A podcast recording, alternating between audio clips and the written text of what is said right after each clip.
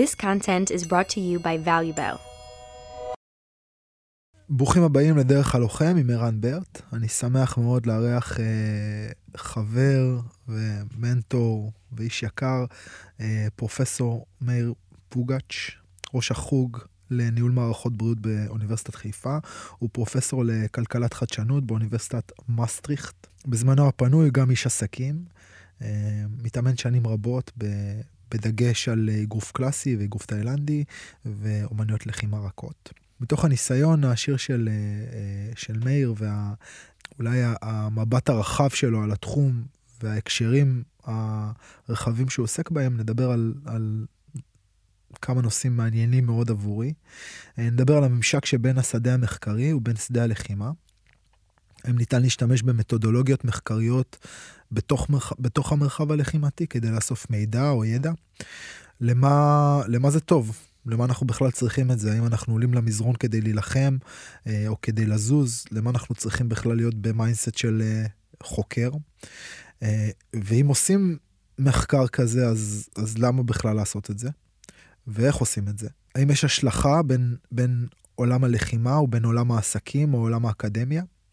האם יש דרך מתודית לעשות קישור שכזה? ולקחת ערכים מתוך, או, או מידע מתוך עולם הלחימה לתוך העולם האישי? האם זה אולי מתאר אה, אופנות חדשות שצצות בתוך עולם הלחימה וקהלים חדשים שנכנסים לתוך העולם, כמו אה, נשים אה, בגילאים מתקדמים יותר, או white collar boxing, אה, ומה בין אומנויות רכות ואומנויות קשות. אה, על כל אלו ועוד, אני בטוח שיצוץ, ישבנו פה, דיברנו חצי שעה, עפו פה 300 נושאים. אה, אני מאוד מאוד, אה, אני מאוד מאוד שמח לארח אותך כאן, מאיר. תודה שהזמנת אותי, רן, תודה.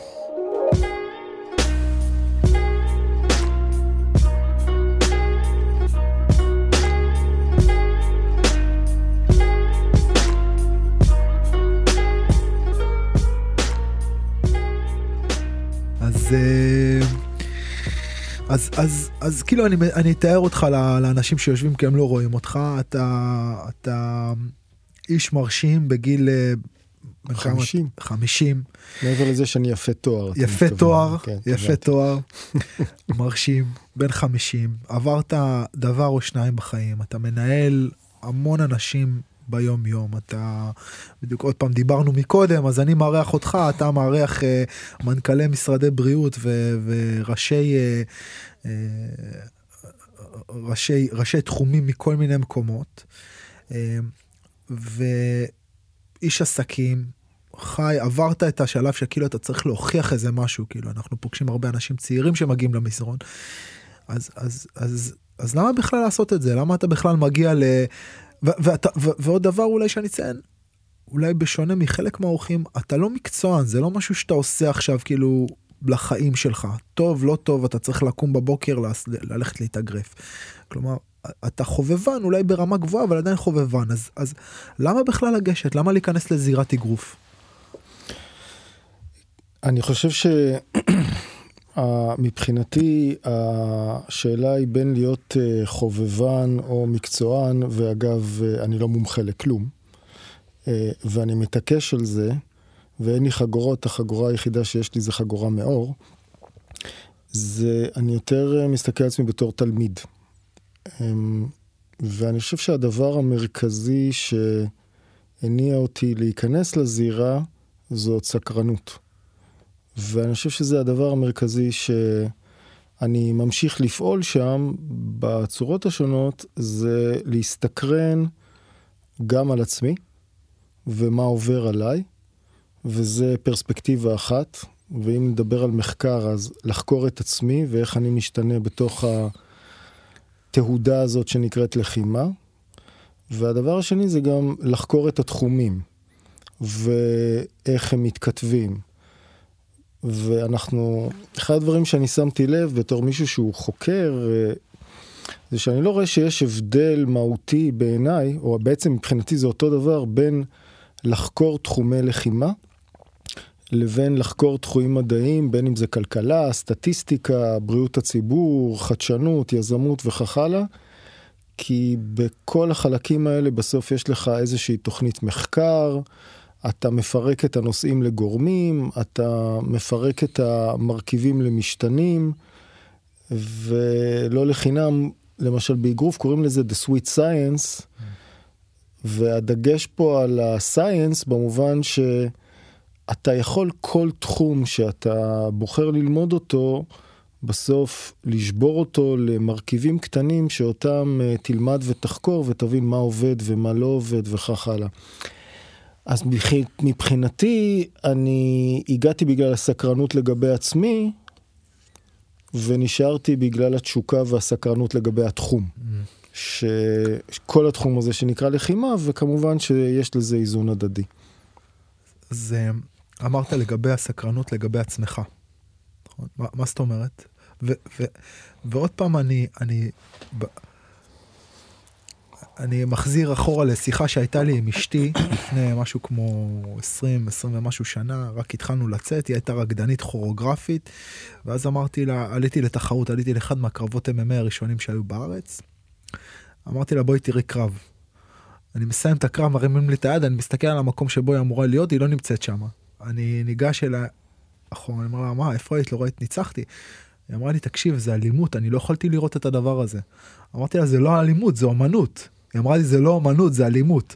וכאילו, מה אני רוצה להגיד? אדם כמוך, בוא, בוא, בוא תחקור את עצמך בפיסול, בוא, בוא, בוא תעשה פיסול, בוא תעשה ציור, בוא תעשה אופני הרים, בוא תטפס על הקילמנג'רו. כאילו, למה, למה עוד פעם ללכת מכות? כי אתה יודע, לכולנו יש אזורי נוחות, ואני אגיד את זה בצורה הבאה. אמ, אזור הנוחות של האלימות שבי שהיא הייתה, והיא עדיין, אבל זה המקום שרציתי לחקור, אה, נובעת ונבעה מפחד. Mm. לפעמים כשאתה הולך עם כלב ברחוב, אה, צ'יפ שלי, והם ישר מתחילים הכלבים לנבוח, אז לכאורה הם משדרים אלימות ואגרסיביות, אבל הם בעצם מפחדים.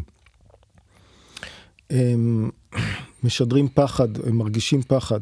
כשאתה תלך עם איזה דוג דה בורדו גדול, הוא לא משדר לך כלום, ואם ינבחו עליו זה לא, לא יזיז לו, כי משהו באורה שלו, באנרגיה שלו, אה, זה לא שאין לו אלימות, הוא פשוט, אה, היא, היא אלימות מסוג אחר, שהיא הרבה יותר רגועה ולא לא מתכוונת בכלל אה, לנוע ממקום של פחד. ומבחינתי, ברמה הכי אישית, המקום שעשיתי את ההתמרה הזאת בין אגרסיביות, שאני, בעיניי אגרסיביות זה פחד. או מצוקה, יותר מילה. אגרסיביות, חוסר אונים חוסר אונים. אגרסיביות היא שפה בסוף שנובעת ממצוקה וחוסר אונים, ובעצם מהעובדה שאין לך אופציות אחרות לבטא את עצמך.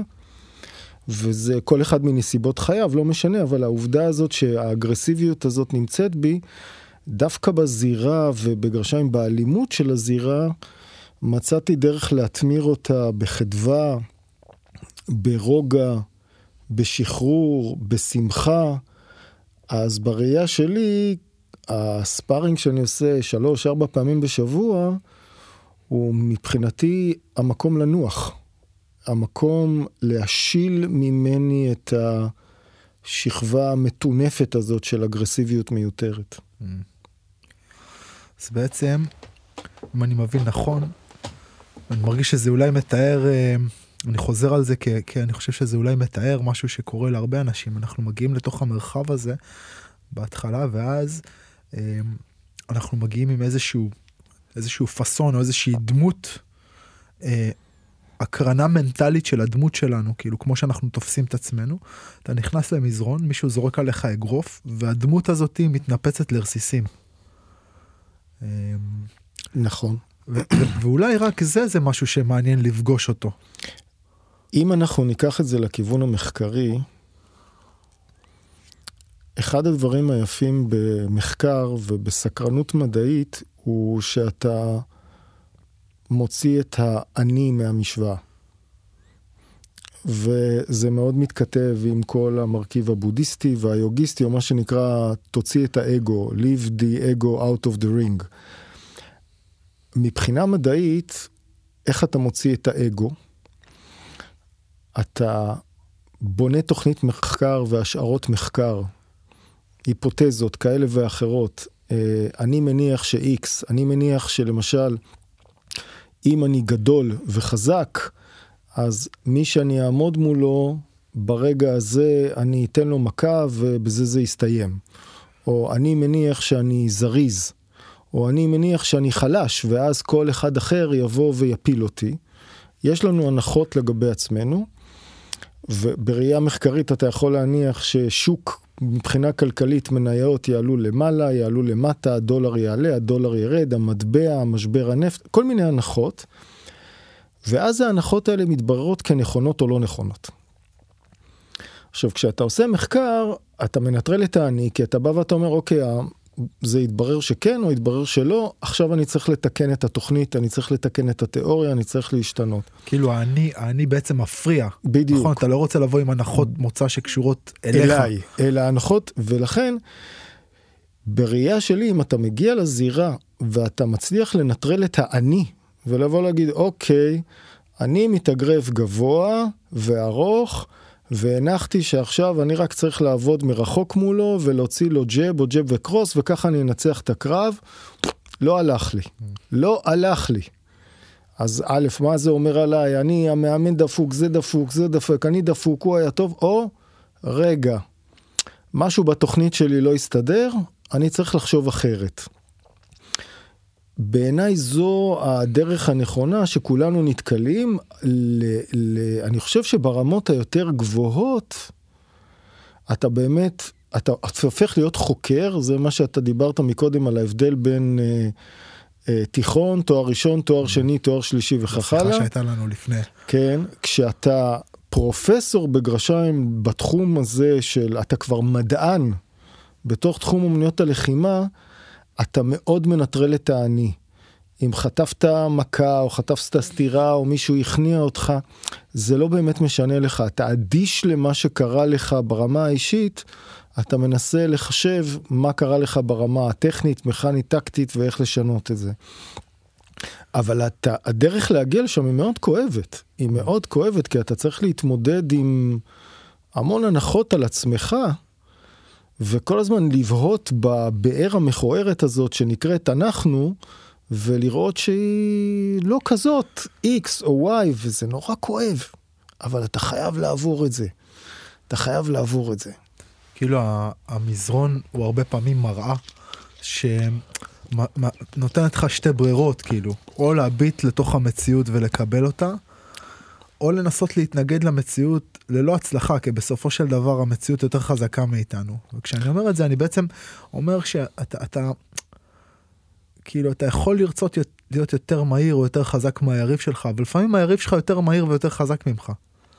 ואז או שאתה עושה איזושהי אדפטציה ומקבל את הדבר הזה, או שאתה חוטף מספיק מכות עד שאתה מבין שיהיה לא. קודם כל זה מדהים וזה נכון, אני לא יודע כמה אנשים אחרי זה לא יזרקו עליך אבנים שאני מתחיל לתאר עכשיו את אוסקר ויילד ודוריאן גריי, כי זה פודקאסט הלחימה, אבל בדוריאן גריי הייתה את הדמות המדהימה היפה הזאת מבחוץ, ואז הוא הגיע כל יום בערב, הוא הסתכל על התמונה שלו כל יום והיא נהייתה יותר ויותר מכוערת.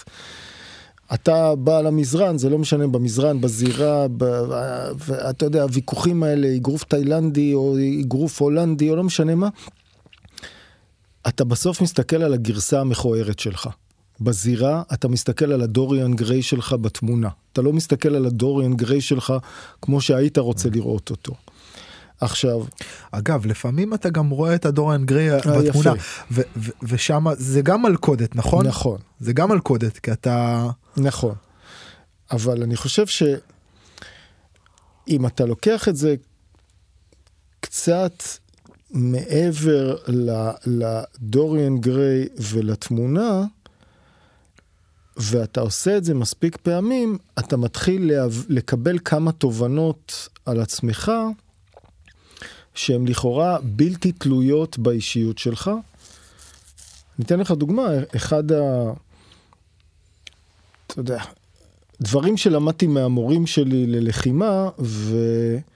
מה... ויש את המורים שלי ללחימה, ויש את המורים שלי שהיו בזירה ותובנות. אחד זה, בטח שבגרשיים אני בן חמיש... קשיש בן חמישים ואני אה, אה, עובד עם כל הילדים. האריות הצעירים בזירה, אז קודם כל, אין לי את הכוח שלהם ואין לי את יכולת ההתפרצות שלהם. אין לי, זה לא יעזור לי, אני יכול עד מחר אה, לעשות, אין לי את זה, זה נאבד. מה שאני יכול לעשות זה לשמור על הקצב שלי. כל הזמן לשמור על הקצב שלי ולהכתיב את הקצב שלי שהוא יהיה יותר איטי, פחות איטי בזירה. אז מצד אחד אתה כאילו מתפשר, אתה מבין שאין לך את זה. מצד שני, זה המון עוצמה, שאתה זה שמכתיב את הקצב בזירה. אתה זה שלא תזוז, אתה תהיה הגזע הזה, אתה תהיה המקום, והם כולם יתנפצו עליך, אבל הקצב הוא יהיה שלך, ובסוף... וההבנה הזאת, שלפעמים יש דברים מסוימים שאין לך, אבל נשארו לך כלים אחרים שאתה יכול להשתמש בהם, ובגרשיים אפילו, נקרא לזה, לצאת אה, שידך למעלה. אני לא אוהב להסתכל בזירה על מנצח ומנוצח, אני יותר מסתכל בזירה על מי למד יותר, מי למד פחות, mm. אבל... יפה. זה, זה, זה, זה העובדה שהצלחת לשמור על הנכסים שלך מול מקומות לא טובים לך. וזה שיעור מאוד חשוב. אני חושב שיש uh, כמה דברים שעלו עכשיו ב, ב, כאילו בחלק הזה של השיח בינינו שהם מאוד מאוד משמעותיים כאילו עבורי קודם כל אני מאוד אוהב איך, איך שניסחת את זה אה, לא מי מנצח ומי מפסיד אלא מי למד יותר כי מבחינתי תמיד כניסה לתוך מרחב לחימה לתוך המזרון הוא כניסה לתוך אה, אני מדמיין כזה כמו. אה, אוקיינוס כזה עולם עולם וירטואלי שצפים בו כל מיני צפים בו כאילו בלונו, בלונים כאלה. עם, אה, עם סימן של ידע עליהם והמטרה שלי כאילו בכל כניסה כזאת לתוך המרחב זה לאפוס, לאסוף כמה שיותר כאילו טטינג כזה כאילו כמה שיותר ה-moments. כן. וזה באמת כאילו כמה מידע על עצמי ודרך המידע על עצמי כמה מידע על העולם אני יכול לאסוף בסשן אחד על, על, על האימון.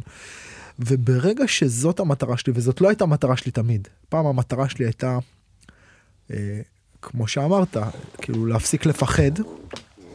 ואיך אני מפסיק לפחד? על ידי זה שאני הופך להיות יותר חזק, יותר מהיר, על זה שאני כובש את דרכי לפסגה. כאילו. אה, אבל אז בעצם מה שאתה מגלה זה שאתה מגיע לראש הפירמידה, הפחד לא נעלם. האגו גדל, הכוח גדל, המהירות גדלה, אבל החשש או הפחדים או החרדה, או לא משנה איך נקרא לזה עוד פעם, ב, כאילו ה, ההתנגדות שם, אם אנחנו מדברים עוד פעם באיזה ז'רגון בודהיסטי, לא נעלמת, זה לא נעלם. אמ, ואז איפשהו שם לאורך הדרך, המטרה משתנה מלהיות הכי טוב או להיות הכי חזק, להיות הכי חזק זה כאילו, זה, זה ה... לנצח, זאת המטרה הרבה פעמים, במיוחד שאתה צעיר. אז המטרה הזאת משתנה, ואז אתה אומר, אוקיי, אני בעצם רוצה לאסוף כמה שיותר ידע, כמה שיותר מידע על עצמי קודם כל. ודרך ה... ו... ואם אני אחקור מספיק את עצמי, אולי אני אוכל לדעת משהו גם על העולם. ואז זה החלק, החלק השני ב... ב... ב...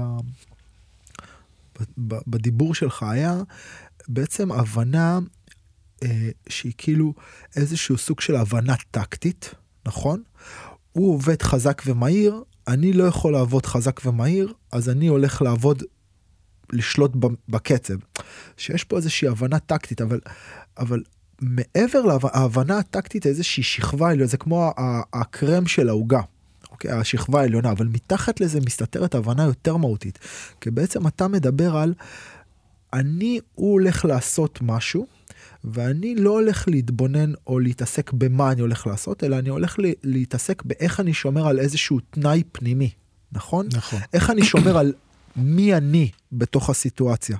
שזאת היא כבר הבנה שהיא, ש, שהיא יוצאת מתוך תחומי המזרון, נכון?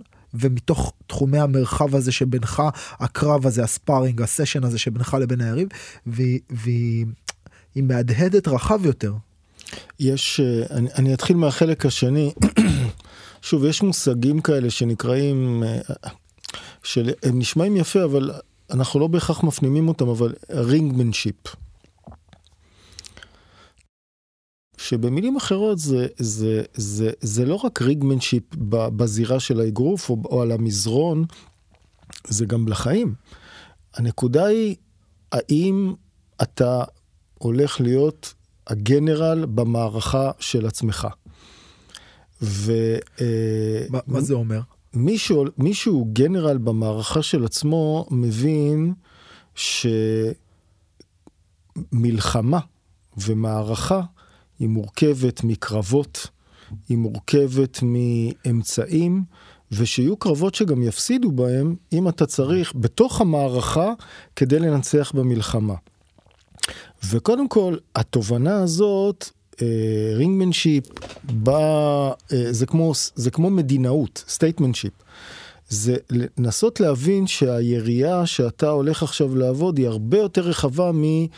האם אני יוכל לעשות מתפרצות, או האם אני יוכל אה, לנטרל את הימני או את השמאלי וכך הלאה, אלא משהו יותר רחב, זה המרכיב הפנימי.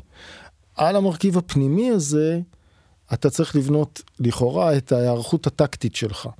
אה, אה, איך אתה הולך לעשות את זה, כמה אתה יכול לעשות את זה וכך הלאה.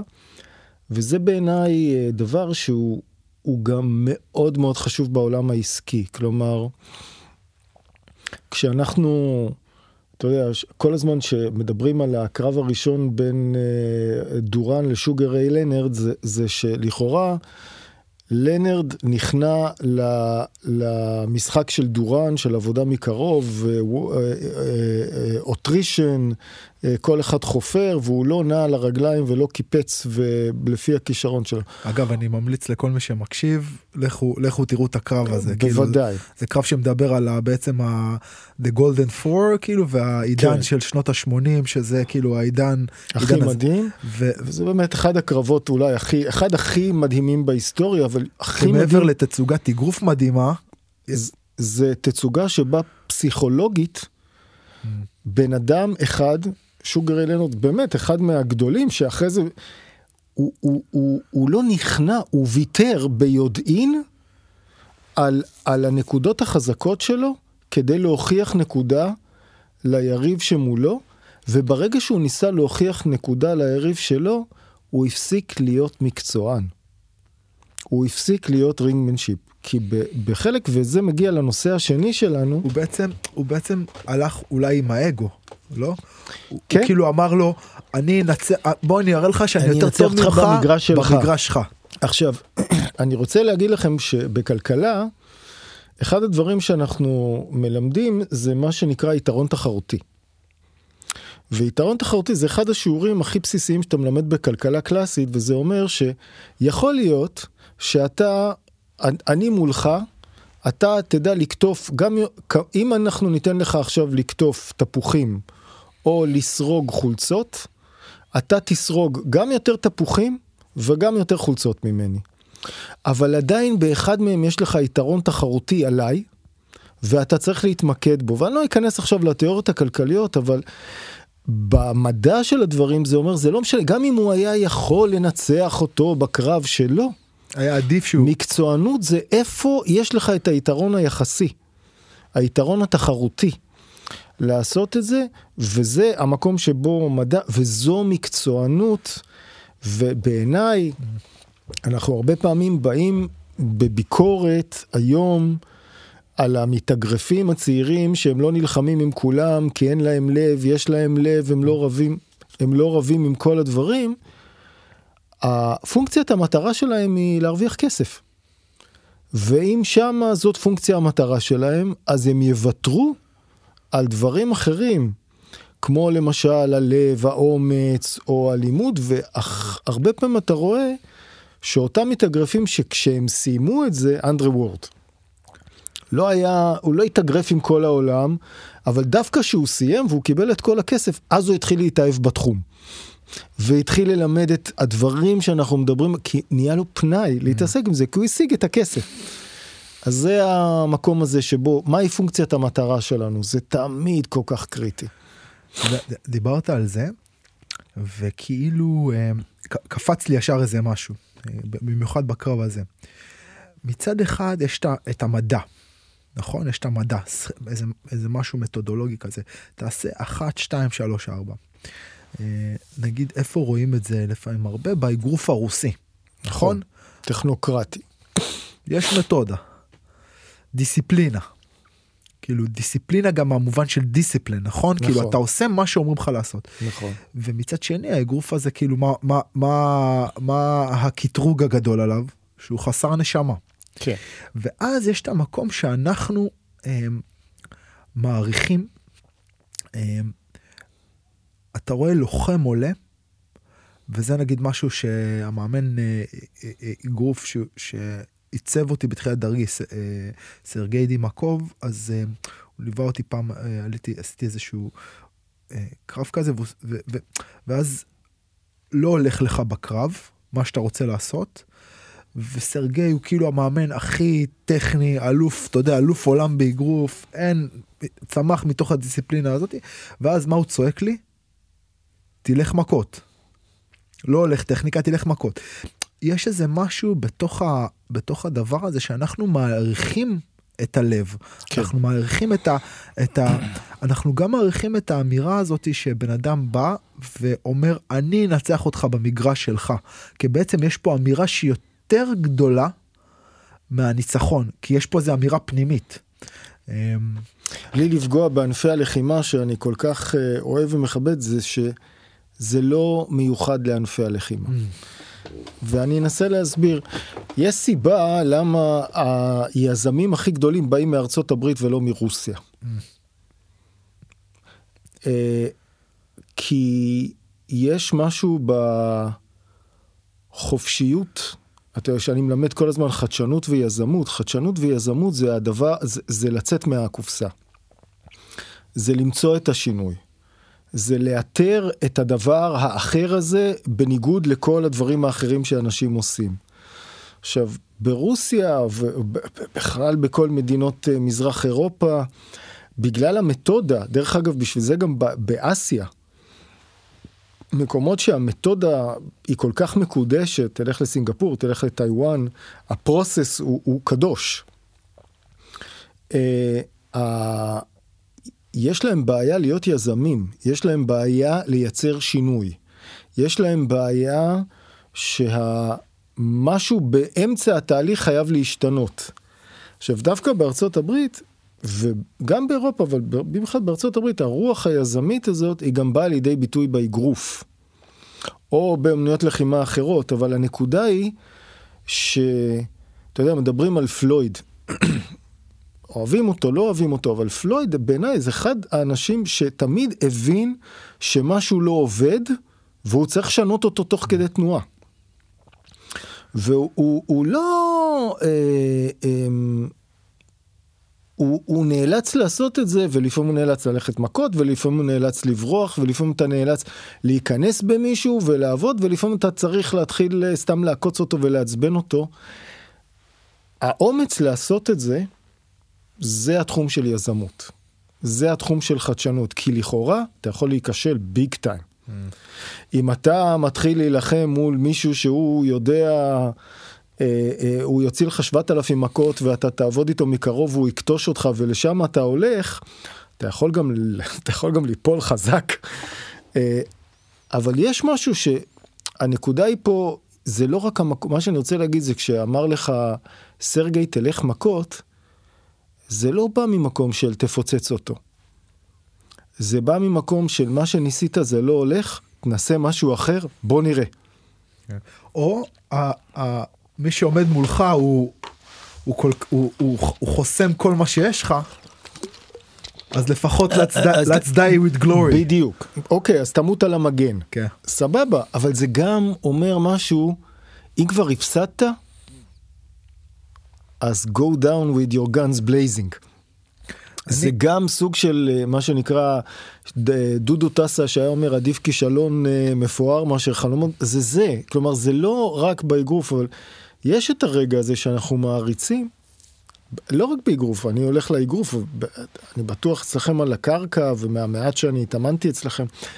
יש את הרגעים הנדירים האלה שאתה פועל בניגוד לאינסטינקט ולתוכנית העבודה שלך. סטטיסטית רוב הזמן זה לא יצליח. כשאתה חוקר את הדברים, סטטיסטית 98% מהגופים היזמים נכשלים. אבל אנחנו כל כך אוהבים את השני אחוז שהצליחו. נכון, כי זה נותן לנו משהו... זה. בדיוק, כי זה נותן משהו הרבה יותר חשוב מאשר ניצחון, ניצחון או הפסד, בדיוק, זה נותן השראה, 300.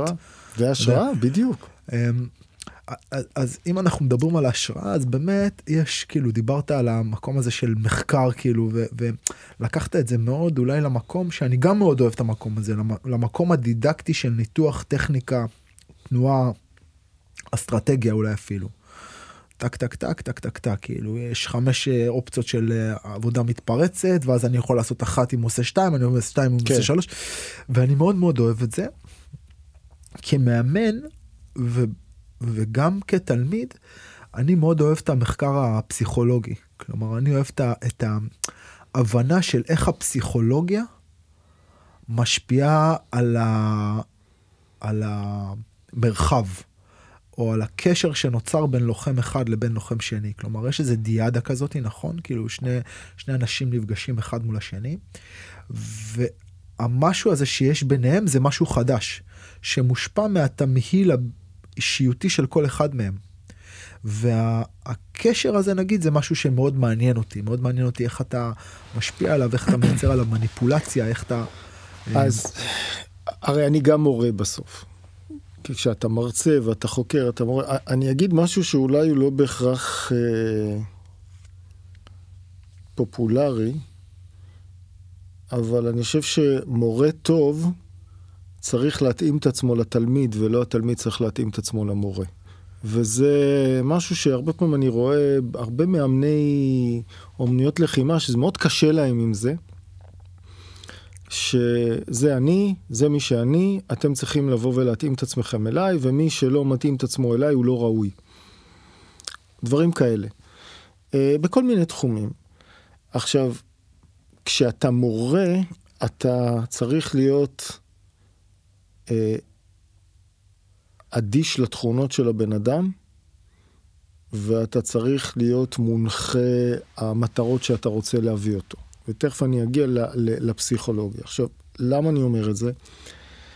כי קודם כל, לא כל תלמיד שאתה תפגוש, יעניין אותו לשמוע את הפדגוגיה שלך, את חמשת המודלים שלך, לשבור את זה לפרקים. הוא רוצה, תגיד לי לעשות ככה, או תגיד לי לעשות ככה, או, או תן לי או לא תן לי. כלומר, וזה כמו בתחומי הניהול או הדברים, זה תמיד אתה לומד איזה כפתורים אתה צריך להניע אצל, אצל איזה אנשים, איזה מתגים, כדי להניע אותם.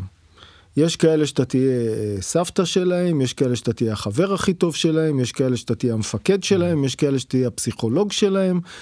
כלומר, יש, יש כל מיני סוגים. זה קודם כל בראייה שלי, שגם פדגוגית אתה צריך לעצמך, כשאתה בא ללמד אנשים, במעט, אולי לא כל כך מעט, שאני עובד עם, עם החבר'ה הצעירים, זה, זה לנסות להבין מי הם, ובמידה מסוימת לוותר על האגו שלך ולהתאים את עצמך אליהם, ולאט לאט אתה מתחיל ליהנות מזה. בעיניי, בפסיכולוגיה שבאים שני אנשים, יש דבר מעניין, ושוב, זה ברמה של מחקר, זה איך אתה לוקח שני משתנים, הם בלתי תלויים, שני האנשים הם משתנים בלתי תלויים, הם קיימים, אבל התכונות שבהם תלויות בתכונות של מישהו אחר. Mm. אם הבחור הזה אגרסיבי והבחור הזה יעצבן אותו, אז הוא יהיה עוד יותר אגרסיבי. אם הבחור הזה הוא אה, שחצן והבחור הזה הוא אה, ביישן, אז, אז יכולות להיות פה אה, אינטראקציות לא טובות. ולי זה מעניין איך אתה מנסה לחבר בין שתי האינטראקציות האלה, ובסוף, כדי לייצר איזה מופע, ואני קורא לזה מופע בזירה, שבו שני האנשים בסוף יצאו סופר מבסוטים, סופר עייפים, ואמרו וואלה היה כיף, היינו תותחים.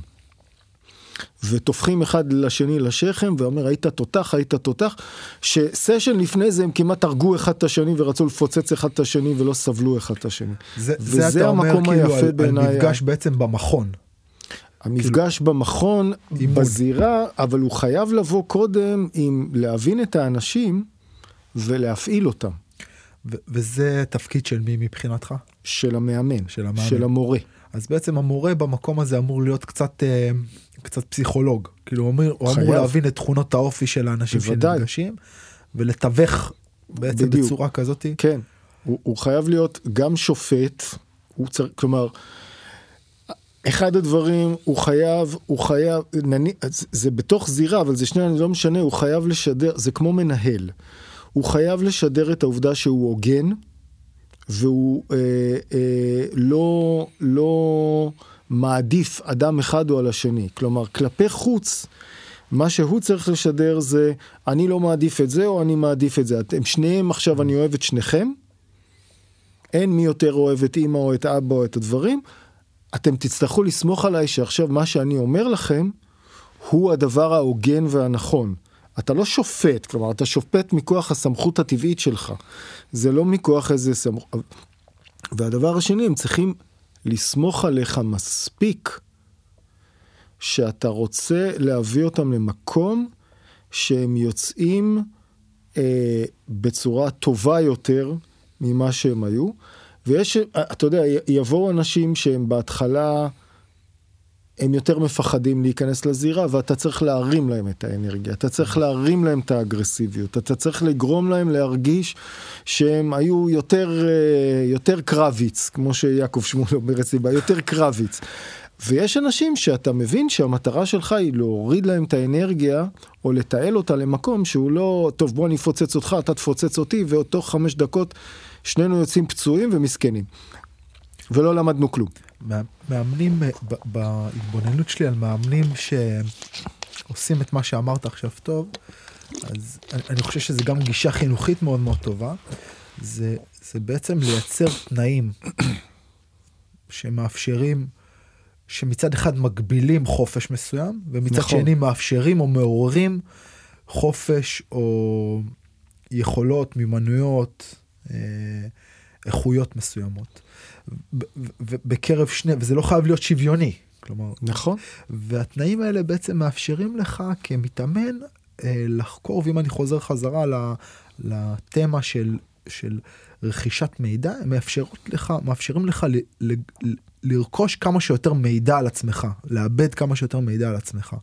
לגמרי, כי אם אתה, שוב, אם אני לוקח את זה לעולם של המחקר, אם כל האנשים שעומדים מולך הם משתנים, אחד הדברים במחקר זה מה שנקרא uh, controlled, controlled factor. זאת אומרת, משתנה שאני שולט בו, כדי לבחון רק מרכיבים מסוימים ממנו, איך הם משליכים על דבר אחר. Mm. אתן לכם דוגמה, ניתן דוגמה, אתה אומר לשניהם, כל אחד עכשיו רק עובד עם יד אחת. לא עם שתי ידיים, אתם רק, אתם עושים sparring עם יד אחת.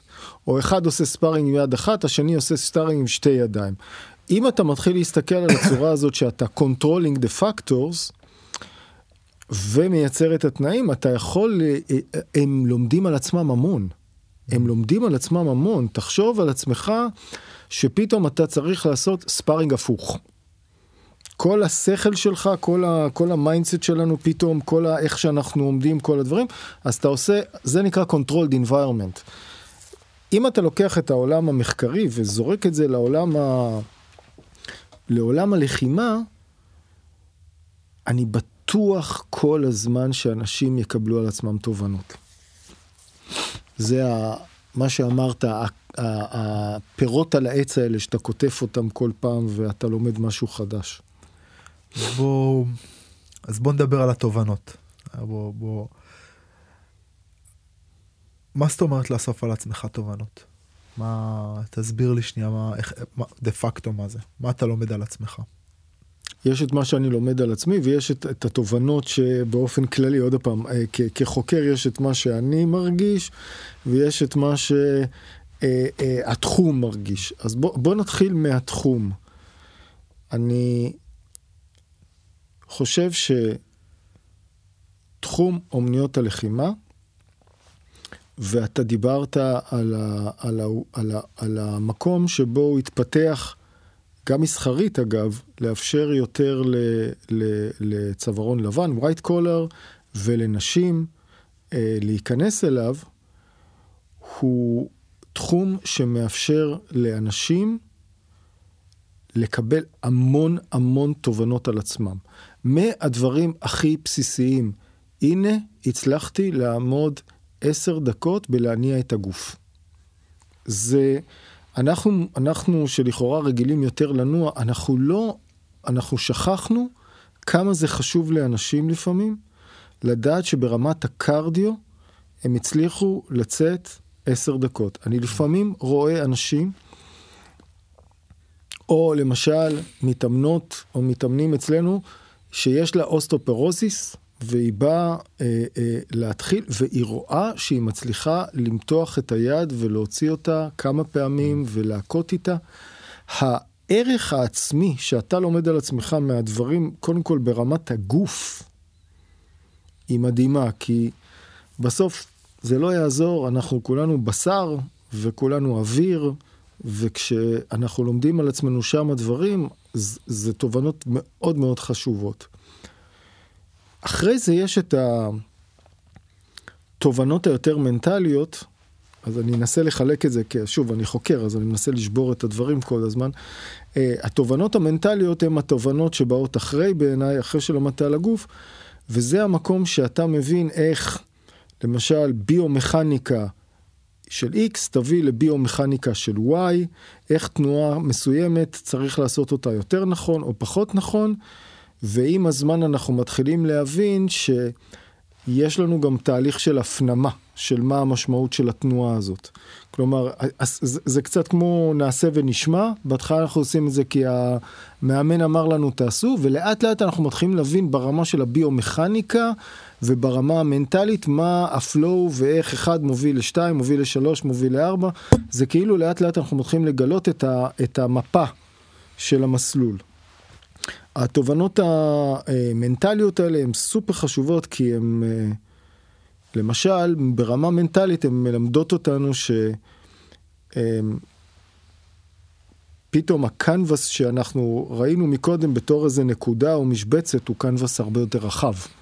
ויש לו פתאום, פתאום מישהו הרחיב לך את היריעה ופתאום אתה רואה במנטלית שאתה מסתכל על ציור ממש גדול. Mm. זה ברמה מנטלית בין ההבדל בין לעשות spotlight אה, של אור ופתאום להדליק לך את כל הנורות. ואז ברמה הפסיכולוגית, אתה יכול להתחיל ללמוד עליך, אם אתה רוצה, אתה יכול להתחיל לקבל על עצמך תובנות. יש לי, אחד האנשים שאני מלווה בזירה ובחיים, ואנחנו באמת הולכים כל היום מכות, משחקים כל היום מכות. ו... אבל אחד הדברים שהוא למד על עצמו, למשל, זה איך הוא יכול לייצר רוגע גם מחוץ לזירה, כדי שהיום, וזה אדם ש... שלא בא מהמקום הזה, שכשאני אמרתי לו, אתה יודע מתי אתה תרגיש שאתה באמת מלך, אם, מלך אם יבוא לך מישהו ויירק עליך, ואתה תנגב ותגיד לו תודה ושיהיה לך יום טוב, כי אתה יודע שאתה תנצח אותו, אז בשביל מה אתה צריך?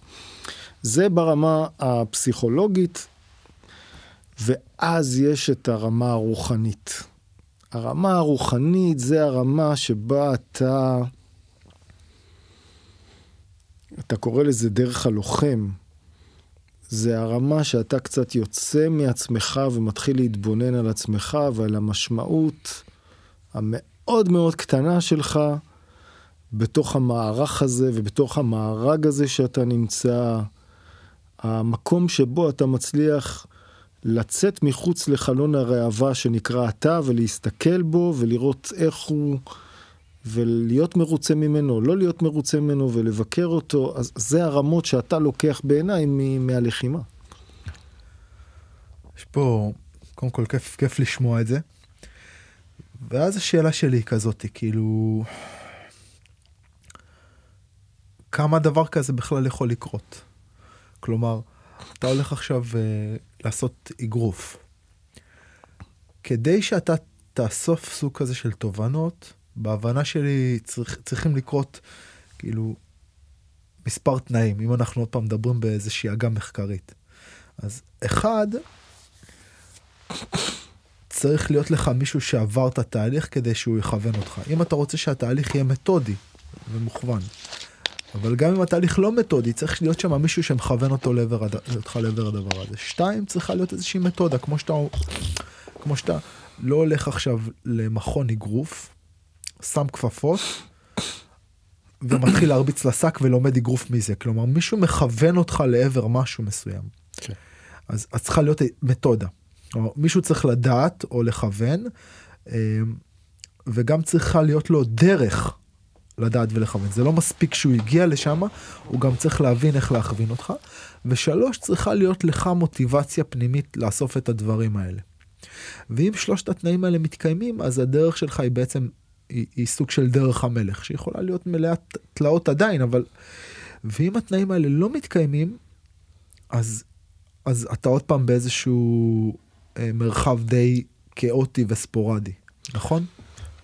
כן, אבל אני אלך, אני אנסה להגביל את זה, זה מדויק, ואני אנסה להגביל את זה שוב, בכוונה לצאת מאומנויות הלחימה ולחזור לעולם, בגרשיים, לעולם המחקר, עולם האקדמיה, עולם העסקי, כדי להסביר, את, להראות בעיניי את ההגבלה. כש, כשעכשיו אני מקבל את הסטודנטים שלי לניהול מערכות בריאות, דרך אגב, כולם רופאים, או אחיות, או, או בתחומים הפארה-רפואיים, או הסטודנטים ליזמות. וזה תואר שני, זה כבר לא תואר ראשון, זה תואר שני, אבל יש הבדל תואר שני שאתה מסיים אותו עם תעודה, או תואר שני שאתה ממשיך למה שנקרא מאסטר, שהוא עם מחקר.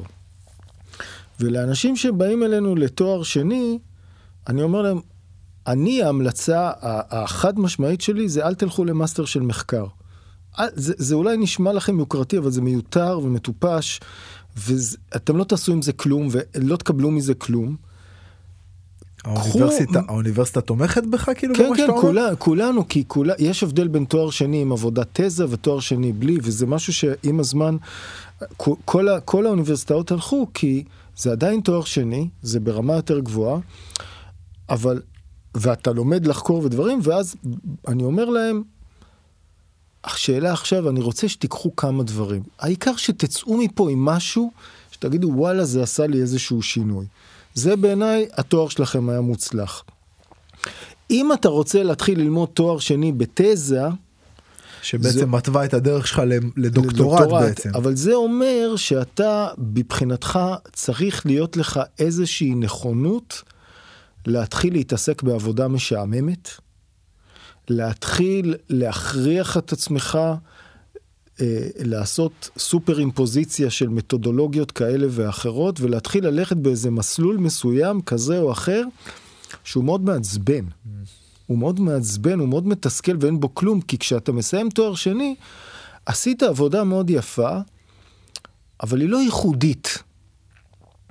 תיארת את הדברים בצורה קצת אחרת, כמו שאנשים אחרים תיארו, אבל פחות או יותר צילמת שקיעה. כמה תמונות של שקיעה יש, למדת זה, וצילמת שקיעה. עכשיו, אם אתה רוצה להמשיך לדוקטורט, דוקטורט זה בכלל, דוקטורט זה, זה, המרכיב בדוקטורט זה מה הדבר החדש שאתה מביא למחקר. מה הדבר החדש שאתה תביא ללחימה, בעצמך. וזה אומר שזה מסע אינסופי שאתה מול עצמך. כי אתה צריך קודם כל למפות את כל הדברים האחרים שעשו. כלומר, אין בזה שום דבר מעניין, ואז אתה בוחר להתמקד במשהו שהוא קשור לך, שרק אתה מבין אותו ואף אחד אחר זה לא מעניין אותו. בעיניי בעולם הזה של הלחימה, זה המקום הזה שאתה באמת באמת צריך כבר לגבש לעצמך זהות איזה לוחם אני. המקום הזה של מה שנקרא מה הסגנון שלי. וזה סגנון שהוא שלך, הוא לא של המורה שלך, והוא לא של היריבים אה, אה, שלך, הוא סגנון שהוא שלך. ורק אחרי שסיימת את הדוקטורט, כדי להגיע בגרשיים לפרופסורה או מה שזה לא יהיה, זה אומר שאתה צריך להיכנס לזירה. אתה צריך לפרסם, והפרסומים צריכים להיות טובים. צריכים לעמוד ב... צריכים לעמוד בעומס, נכון? כן, הם צריכים לעבוד בחקר אמיתי. אתה צריך, זה אותו דבר, ולכן אני אומר ש... ההפך, לרוב האנשים, מי שעושה תואר שני או תואר ראשון, לא צריך. קחו מזה את מה שאתם רוצים לעשות מזה, ש- שיהיה לכם משמעות מזה. בעיניי זה הכי כיף בעולם. הכי שווה בעולם. אז בעצם, בעצם מה שאתה אומר זה כאילו רוב האנשים ב, ב, עוד פעם, אני שם, שם אותך במילים שלי, 90-95 אחוז מהאנשים, אגב, מה שדיברנו מקודם על הבית ספר שלי כ, כבית ספר, כשכבות. אה, כן, כשכבות, כאילו, ב, ב, אה, הפירמידה אה, של מאסלו מבחינתך. בית ספר, אוניברסיטה פתוחה, אז, אז מה שאתה אומר, זה רוב האנשים בכלל לא צריכים להתעסק בשאלה הזאתי, נכון. נכון? כאילו, כי הם יבואו ובעצם ה... הטוב שלהם יהיה רק זה שהם באים לשעה פעמיים בשבוע, לפ... כאילו במרכאות לפרוק אנרגיה, לנוע, לפגוש את עצמם באיזה פוזיציה נכון. שהיא שונה מהיום יום שלהם, ורק זה, זה, זה good enough. אני יכול, לא, אני לא, ככל שעובר הזמן, אני חושב שלצאת שמח ממקום בעצמך, זה לא good enough, זה האולטימט גול. ובאיזשהו מקום, כשאתה עושה את כל הדרך הזאת של פרופסור, לא, לא משנה מה, דרך הלוחם, כשאתה חוזר לשם, ואתה סתם מבסוט ושמח מלהיות בשם, אז הגעת. אני חושב שזאת אמירה, אפשר, אפשר לתת לה להדהד. כי איכשהו, נגיד, אני היום מהמקום שלי, אז אני חושב על זה, על ה-good enough, ומצד שני אני כל הזמן חושב על איך כאילו להעביר אנשים כאילו לשלב הבא. כאילו אני כל הזמן עסוק בעצם בשלב הבא שלהם. אבל, אבל אולי לא צריך להתעסק בשלב הבא. לך בראייה שלך ואנחנו הופכים עכשיו את ה...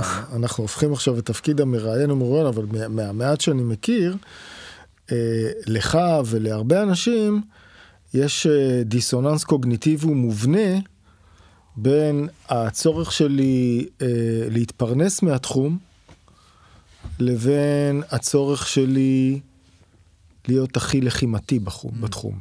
הצורך שלי להיות הכי קרבי. הצורך שלי להיות הכי מנצח בתחום. הישגי. הכי הישגי. הצורך שלי אה, להיות הכי הארדקור בתחום. ובעיניי, זה מזכיר לי קצת את דוקטור דרה, ותכף אני אדבר על, על המושג, יש ב, בעולם המקצועי, יש מה שנקרא אה, אה, שיווק דרך הקצוות. ובמידה מסוימת במועדוני לחימה כמו שלך, שהם כל כך מוצלחים, זה הפוך. אבל אני, אני, אנסה, אני אנסה לעניין. שיווק דרך הקצוות בא ואומר שאתה דווקא מתחיל לשווק את המוצר שלך בתוך קהלי הקצה הכי לא הגיוניים שיש, שאף אחד לא מסתכל עליהם במיינסטרים, ואז הם מתחילים להרגיש כמו הארדקור, ואז לאט לאט אנשים אחרים מתחילים לחקות אותם והם הופכים למיינסטרים. הדוגמה הכי קלאסית זה ביטס של דוקטור דרה. האוזניות, בהתחלה האוכלוסייה השחורה הולכת עם האוזניות, היית מסתכל, רואה מישהו עם אוזניות שהוא הוא, הוא, הוא שחור, אה, הולך עם אוזניות, אתה היית עובר לצד השני של הרחוב מרוב פחד, הנה הוא הולך לירות בי. לאט לאט האוכלוסייה הלבנה התחילה לחקות אותו, וכל הילדים היו הולכים עם האוזניות, ואז הוא לקח ומכר את זה במיליארד 200 דו, מיליון דולר לאפל, והבין שהוא כבר מבחינתו סיים את האוזניות, כי יש בלוטוף, הוא צריך לעבור את זה ולהמיר את זה לתוכן.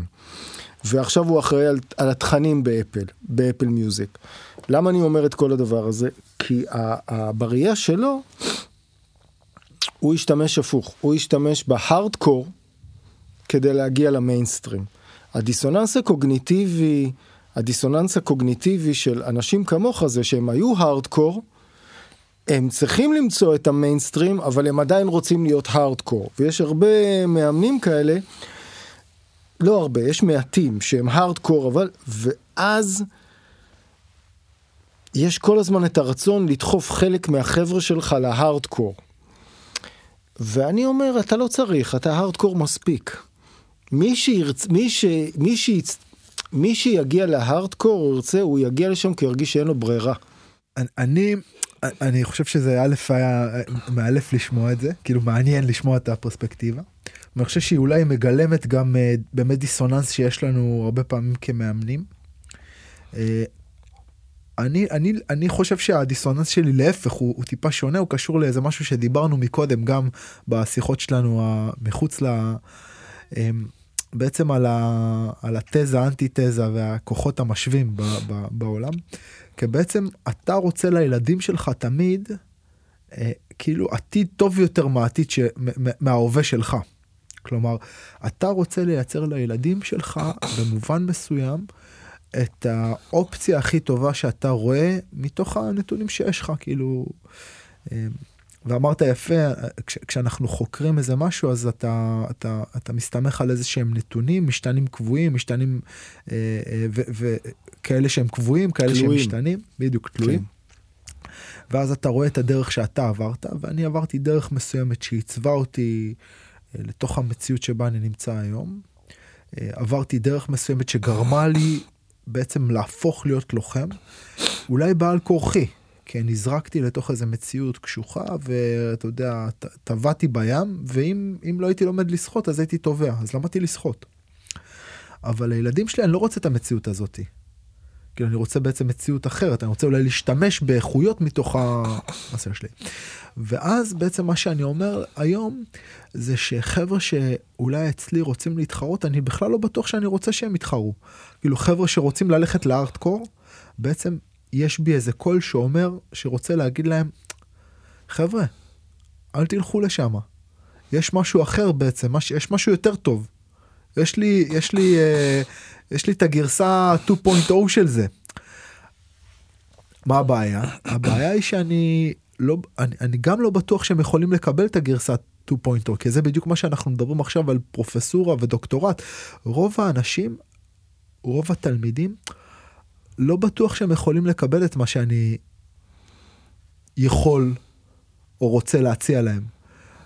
ייתכן שהם צריכים לעבור דרך המקום הזה, דרך הארדקור, וגם לשם לא כולם מתאימים. אז, אז, אז, אז זה אולי הדיסוננס של, של, של מה שאני חווה היום, כאילו, יש לי כבר גרסת בטא משופרת, אבל הגרסה הזאתי לא מתאימה לכולם. אני... אתה, אתה אני מבין לגמרי, אני, אני אגיד את זה, זה קצת כמו, בטח שאתה מדריך ואתה מורה ויש לך מכון, אז הם קצת כמו הילדים שלך, והדבר הראשון שמלמדים אותך בפסיכולוגיה זה בידול, זה הילדים שלך הם לא אתה. ואתה אל תשליך עליהם את, את כל החרא שלך. כן. זה אחד, והם צריכים לעשות את הדרך שלך, וזה, וזה נורא כואב אה, לגבר לדעת שהבן שלו זה בגרשיים לא הוא. כן. מה, ו, ו, ו, או כן הוא, זה, זה בכלל לא קשור אליך. זה ב, ב, ב, אם זה כן או לא. אני חושב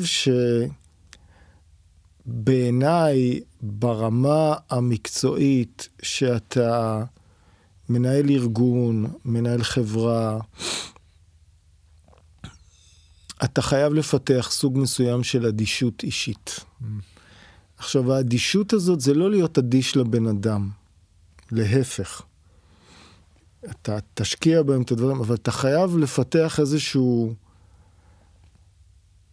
זה אפילו לא אינדיפרנס, זה, זה סוג של, אה, דיברנו על להיות לוס, או, או, או להיות ברוגע לגבי סיטואציה מסוימת אם היא מתקיימת או לא מתקיימת. ופחות, אומרים פחות לקחת אותה ללב, זה, זה בכלל לא עניין של לקחת אותה ללב, זה להבין, ופה אני מדבר על שיכולים, בכל רגע נתון עם אנשים מסוימים, יכולים להתרחש מספר תרחישים, שהם או יהיו כאן, או יהיו כאן, ואתה צריך שוויון נפש מסוים, שאתה חייב לאמץ כמקצוען, בין אם אתה בעולם העסקי, או בין אם אתה עולם העסקי של אמנויות הלחימה.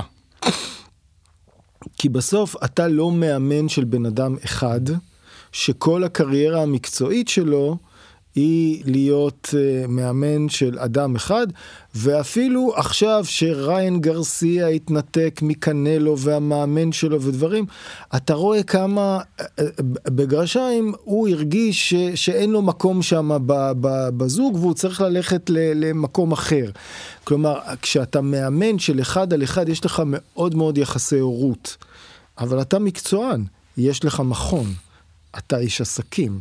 אתה קודם כל איש עסקים. בין אם אתה אוהב את זה או אתה לא אוהב את זה, אתה קודם כל איש עסקים שעושה את מה שהוא אוהב. אבל פונקציית המטרה שלך היא להיות איש עסקים.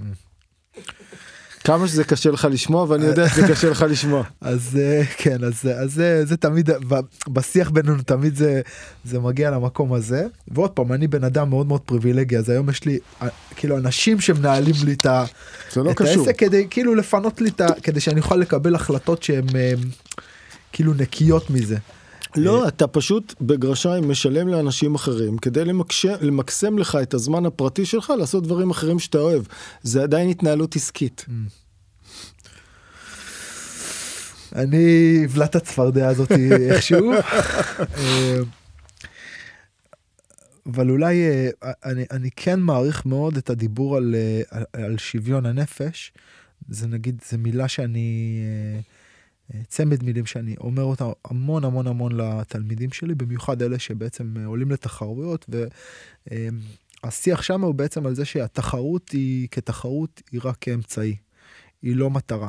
היא בעצם איזשהו סוג עוד פעם של מרה, טרמפולינה, אה, סולם, אפשר להשתמש בהמון מטאפורות כדי לתאר את המרחב הזה, אה, שבו אתה עוד פעם אוסף מידע על עצמך, ולכן הניצחון או ההפסד הם רק, אה, הם, הם רק נוף ש, שחולף מתוך הרכבת, כאילו, אבל זה לא באמת משהו שאתה... אמור להתייחס אליו יותר מדי ברצינות, אתה אמור להיות בשוויון נפש למול זה ולמול זה. אה, אבל, אבל המילה הזאת מבחינתי היא דווקא אה, ניזונה או נובעת מתוך איזושהי... אה, אה, אה, מתוך איזשהו מרחב עשייה בודהיסטי. כאילו זה, זה המקום שבו אני, אה, אה, ממנה, זה המקום שממנו אני שואב את השימוש במושג הזה או את הפרקטיקה. ואני יודע שגם אתה מעורב בתוך הדברים, אז, אז אולי ככה לסיום, גם ככה דיברנו קצת, אה, חפרנו, אז מה אכפת לנו? אה, אז, אז, אז אולי אה, מה, מה הקשר שאתה רואה בין הפרקטיקה הבודהיסטית, התרוואדית, המקום הזה שאתה, שאתה מתעסק בו, לבין הלחימה? מה, מה, מה... הבסיס של, ה, של היוגיזם, היוגיסטיות, התרגול בנשימה וגם בסוף הבודי, הבודהיזם, אבל אני, אני בכוונה לא רוצה להיכנס פה לפילולוגיה ופילוסופיה, אבל באמניות זה היעדר הזדהות עם האני. בסוף זה היעדר הזדהות עם האני, והרבה פעמים ששואלים אותי, אני אומר שיש הבדל בין אני כועס לבין אני חש כעס, mm. אני אוהב לבין אני חש אהבה. אני עצוב לבין אני חש עצב, כי כשאתה, תחוש, כשאתה מזדהה עם התחושות שלך, ככה אני למדתי עם המורים שלי, אתה משלם עליהם. גם כשאתה מאושר, כי אז אתה חוטף את הדאון.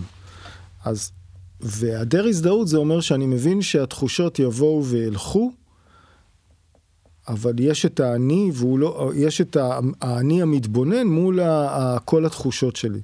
עכשיו, כשאתה נכנס לקרב, האני החווה לעומת האני המג... המגיב. האני המתבונן. ואני אומר הרבה פעמים לאנשים אצלי, בחבורה אצלי, כמה שאני חובב דברים, שאם אתה מצליח לשלוט בהחלטה מתי אתה מזמן את האגרסיות אצלך, והופך אותה לממוקד, או מתי אתה מזמן את הצורך שלך להיות רפוי ולנוע בזירה, ולהוריד את, הרגרסיה, את האגרסיה, או חטפת מכה, חטפת סיבוב, נפלת, לא משנה מה. כל התוכנית שלך הלכה פייפן בסיבוב הזה. הושפלת קשות, ועוד במצלמה. אם אתה מצליח לזמן ברגע הזה תחושה אחרת של רוגע, חישוביות, התבוננות ולא זעם, רק להיות בתוך הזעם, יש סיכוי טוב שבסיבוב הבא אתה תחזור על הרגליים תתקן ותצא מנצח. וזה בעיניי ההבדל, איפה שהיוגיזם או הבודהיזם יכול לבוא לזירה, זה המקום המתבונן, שיכול לבחור מתוך ארגז הכלים שלו את התחושות הרלוונטיות באותו רגע, לשייף אותם ולהשתמש בהם. ואנחנו חוזרים קודם למשהו שאמרת על, על זה לא מי מנצח ומפסיד, זה מי לומד יותר. נכון. אז בעצם כל מפגש כזה שבה, שבו התחושות עולות, ויש איזושהי התערבבות בין האני ובין התחושה, והן הופכות להיות סבוכות יחדיו, והאני שלך בהזדהות ובתגובתיות למה שעולה. בכל מרחב כזה בעצם יש איזושהי הצעה ל- ללמידה, נכון? והלמידה היא בעצם איך אני מפריד את עצמי. נכון. מתוך הסבך הזה של התחושות, רגשות, תגובות, ואיך אני בעצם מתבונן על הדברים ולא נותן במרכאות לי, לאני שלי, להיקשר בתוך התגובה הזאת. אני, אני, אני אנסה לסיים בלהגיד שתי דוגמאות, שאנחנו חיילים, מלמדים אותנו, מה זה ללמד אותנו אה, למלא פקודות? זה בעצם עושים לנו התניה שלא משנה מה אומרים לנו, אנחנו צריכים פשוט לציית. זאת אומרת, אנחנו מנטרלים את כל שאר התחושות שלנו, אנחנו רק הולכים לגבי פקודת העתק, נוט העתק וכך הלאה. מפחד, לא מפחד, טוב, לא טוב, אתה עובר התניה שבה ניטרלת גם את הרגשות שלך, אתה רק עושה את מה שאמרו לך. אתה רק בפעל. כשאתה אתה... גנרל ואתה עשית למשל כמה פודקאסטים על, על, על, על זן, על סמוראים וכך הלאה, הם אנשים שיש להם ראיית מרחב כל כך גדולה וכלים כל כך הרבה, שהם חייבים להתנתק מהם ולהבין, אוקיי, במה אני משתמש איפה ומה עבד לי ולא, כדי שכל הזירה הזאת בסוף, ההרבה יותר רחבה, תפעל לשביעות רצוני. וזה הדרך, ש... דרך הלוחם שאתה עובר, וזה המקום היוגיסטי, הזניסטי, הבודהיסטי, שאתה יכול אה, לפתח, שהוא, אם אתה משלב אותו עם היזמות המערבית ועם הלב המערבי, שדיברנו על זה, על חדשנות ויזמות ועל ה, על המקום לעשות משהו אחר עם אינטואיציה, אז יש לך כלים מאוד מיוחדים ללמוד מהם. אני, אני אולי כאילו יעטוף את זה במקום שבשאלה שהתחלנו מקודם, של למה בכלל להיכנס לזירה. ואז התשובה שאני נותן לעצמי לפעמים, היא שכשאתה יושב ואתה עושה מדיטציה ועושה איזשהו סוג של התבוננות פנימית, ואתה יכול להגיע לניתוק הזה שאנחנו מדברים, שהוא לא ניתוק, כאילו בסופו של דבר אנחנו לא מחפשים ניתוק, אנחנו מחפשים מערכת יחסים חדשה, איזושהי התבוננות כזאת על בעצם מה שאני עובר, ודרך ההתבוננות הזאת היא לקבל איזשהו מושג על העולם, על עולם התופעות. הכל חולף, הכל ארעי ואין לנו שליטה. ו- ו- ויש איזה משהו בתובנה הזאת כשאתה יושב וזה מסע, כאילו כשאתה עושה תרגול עמוק, כאילו, אז, אז אני, אני יכול לנסות להסביר את זה לאנשים, אבל אני לא באמת יכול להסביר את זה למי שלא נכנס לשם. ועדיין יש איזה משהו בלתרגל את זה כשאתה יושב בתוך איזה חדר סגור מנותק מהעולם. זה סוג מסוים של תובנה, ואז אתה מרגיש חצי מואר, ואתה נכנס לתוך איזה זירה, ואיזה ילד זורק עליך אגרוף, ועוד פעם, האני המואר הזה שלפני חצי שעה העסקת אותו וישבת והרגשת שעל איזה ענן, בשנייה אחת מתפרק לרסיסים. שזרקו עליו אבנים שהוא היה קטן. וזה, וזה עוד פעם לקבל איזשהו מבט ענב על עצמך ועוד איזשהו מרחב תרגול שבעצם מבחינתי ההבנה הבסיסית היא ברגע הזה שהתרגול לעולם לא נגמר, וייתכן שלעולם לא תצליח. רוב הסיכויים שלעולם לא תצליח, אבל רק להיות שם ולקבל את המושג הזה עוד פעם. וסיפר לי פעם מתאמן שלי, חבר, חבר טוב, דוקטור אלכס, אה, אה, על, אה, על הקיסר הרומי, שהיה חוזר ממסעות כיבוש ברחבי העולם, נכנס לרומא, מאחוריו היה עומד עבד זר, לא, לא זה, עם, עם, עם כתר אה, מעל הראש, והיה לוחש באוזנו לאורך כל המסע. אתה כלום, אתה כלום. גם אתה כן. אינך בן אדם. כן, גם כן, אתה אינך בן כן, אדם. כן. ואז אני מרגיש שהמקום הזה, הזירה, המזרון, הוא בעצם לחישה אינסופית. גם אתה אינך בן אדם. גם אתה אינך בן אדם. גם אם אתה, אם אתה מספיק פתוח כדי לשמוע את הלחישה הזאת. אז אני אוסיף שני דברים ובזה אולי נסיים. שאלת אותי מה אני לוקח מהזירה בתור מאיר. אז אני למדתי על עצמי שני דברים שאני לוקח מהזירה. מאוד אישיים. אחד, למדתי שהמושג הזה שאומרים tunnel vision, באגרוף שאתה צריך ריכוז או tunnel vision, שאצלי הוא דבר טבעי. איכשהו בזירה הכל נהיה שקט, הכל נהיה רגוע, אני לא רואה שום דבר, אני לא חושב על שום דבר, אני רק חושב מה קורה בזירה, ואני כל כך נהנה. אדם כמוני שפתאום המחשבות מפסיקות לסעור בראש. כל הקופים נחים ויש רק tunnel vision. וזה משהו שאני יודע שלהרבה אנשים קשה מאוד לעשות, אצלי זה סוג של דבר מאוד טבעי שבא. והדבר השני, הוא מייצר אצלי סוג של אה, שמחה, כמעט על גבול הצהלה. של איזה כיף לי. והשני הדברים האלה זה דברים שאני מאוד נהנה מהם בנוסף לכל הדברים. מה נאחל לנו? שיהיה לנו הרבה שנים על המזרון. הרבה שנים. מאיר, תודה רבה. תודה שבאת. לך. תודה רבה.